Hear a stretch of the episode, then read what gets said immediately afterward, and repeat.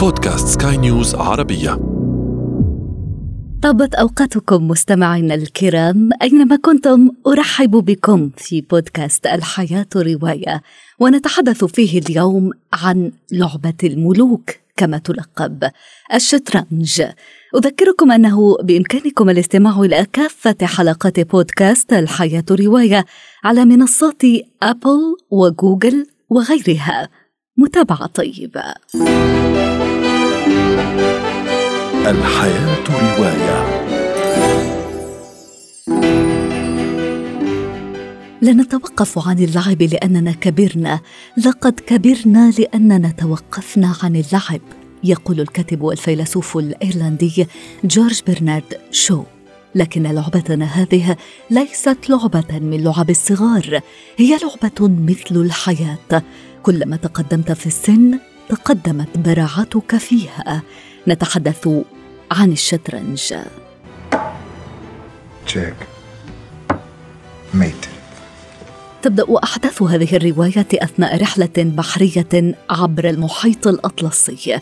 الراوي الرئيسي لهذه القصة مسافر مجهول يسرد بضمير المتكلم قصة لقاء بين شخصيتين متناقضتين تماما لكن يجمعهما شغف مشترك. الشطرنج زينتوفيتش بطل العالم داهية الشطرنج المغرور المتعجرف الذي يعتبر اللعبة وسيلة مثل غيرها لكسب المال. وعلى الطرف الآخر من الطاولة شخص غريب ام بي الذي نجا من الجنون بفضل كتاب عن الشطرنج ظل يطالعه ويطالعه حتى حفظ التوليفات عن ظهر قلب. كان مرساه أفكاره وملاذه الوحيد في ظروف السجن الرهيبة في قبضة النازيين وحيدا في زنزانته الانفرادية دأب صاحبنا على اللعب بمفرده مستعينا بذاكرته وخياله. وبعد إطلاق سراحه أخيرا استقل هذه السفينة. لاعب الشطرنج رواية الأديب التشيكي شتيفان شفيغ وعنه نقتبس. أنا أجهل إلى أي مدى فكرت في الحالة الذهنية التي يمكن أن تثيرها فيك ملكة الألعاب هذه ولكن ثانية واحدة كانت كافية لتدرك أن الشطرنج لعبة فكرية خالصة والحظ فيها مستبعد تماما. من السخف أن تلعب ضد نفسك فسحر لعبة الشطرنج يكمن في أن يتواجه عقلان مختلفان. أن تجعل القطع السوداء خطة الهجوم التي ستعتمدها القطع البيضاء وتنزع دون توقف إلى كشفها ومن ثم إحباطها. إلى جانب تيمة الشطرنج تحضر العزلة كثيرا في هذه الرواية التي تجري أحداثها على متن سفينة بعيدة عن كل العالم في قلب المحيط. كما تحضر كذلك إبان الفترة الرهيبة من حياة إمبي أثناء سجنه. لعب الشطرنج تحفة من التوتر النفسي. Chess isn't always competitive. Chess can also be beautiful. عندما ندخل عالم لعب الشطرنج الصغير وهو بالمناسبة عنوان الرواية يصير من العسير علينا تركه بعدما نألفه ونتعلق به. ولا داعي للإلمام بقواعد لعبة الشطرنج لتقدير وفهم حب هذه اللعبة. الكاتب الياباني يوكو أوغاوا يجعلنا على الفور في صميم سحر هذه القصة.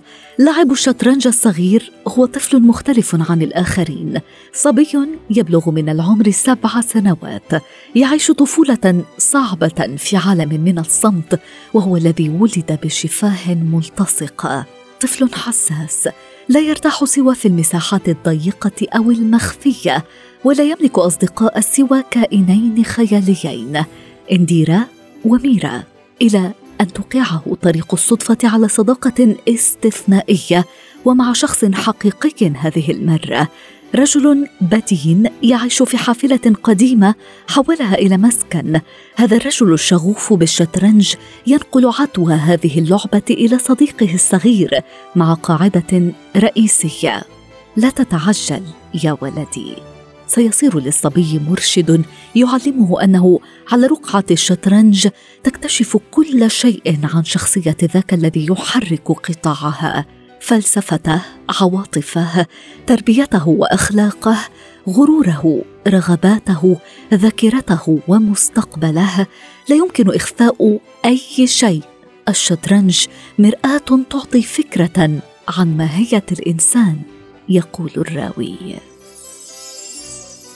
ما العلاقة التي يمكن أن تربط راهبات يعشن في حقبة الثورة الفرنسية وخبيرة كمبيوتر شابة ولدت حوالي القرنين بعدها؟ الجواب لعبة الشطرنج المسماة مونت جلين في رواية The Eight للكاتبة الأمريكية كاثرين نيفل.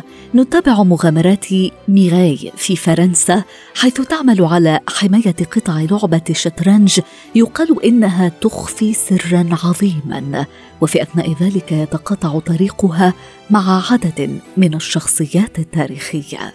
نقرأ في الرواية في لعبة الحياة البيادق هي روح الشطرنج حتى أكثر البيادق تواضعا يمكن أن تغير شكلها. رواية تمتد عبر القرون والأمكنة لتنقلنا تارة إلى الولايات المتحدة وإلى روسيا تارة أخرى مرورا بشمال إفريقيا وفرنسا وكل ذلك في سطور من التشويق والمغامرة والألغاز والمؤامرات المحيرة. وجرائم القتل كما أنه لا داعي للإلمام بلعبة الشطرنج لقراءة هذه الرواية. الحياة رواية. وفي ختام هذا العدد أشكر لكم وفاءكم وطيب إصغائكم مستمعينا الكرام. بإمكانكم تحميل هذا البودكاست عبر منصات أبل وجوجل وغيرها حيث بإمكانكم أيضا ترك آرائكم وتعليقاتكم ومقترحاتكم. كنت معكم أنا إيمان جبور. يتجدد لقاؤنا في العدد المقبل.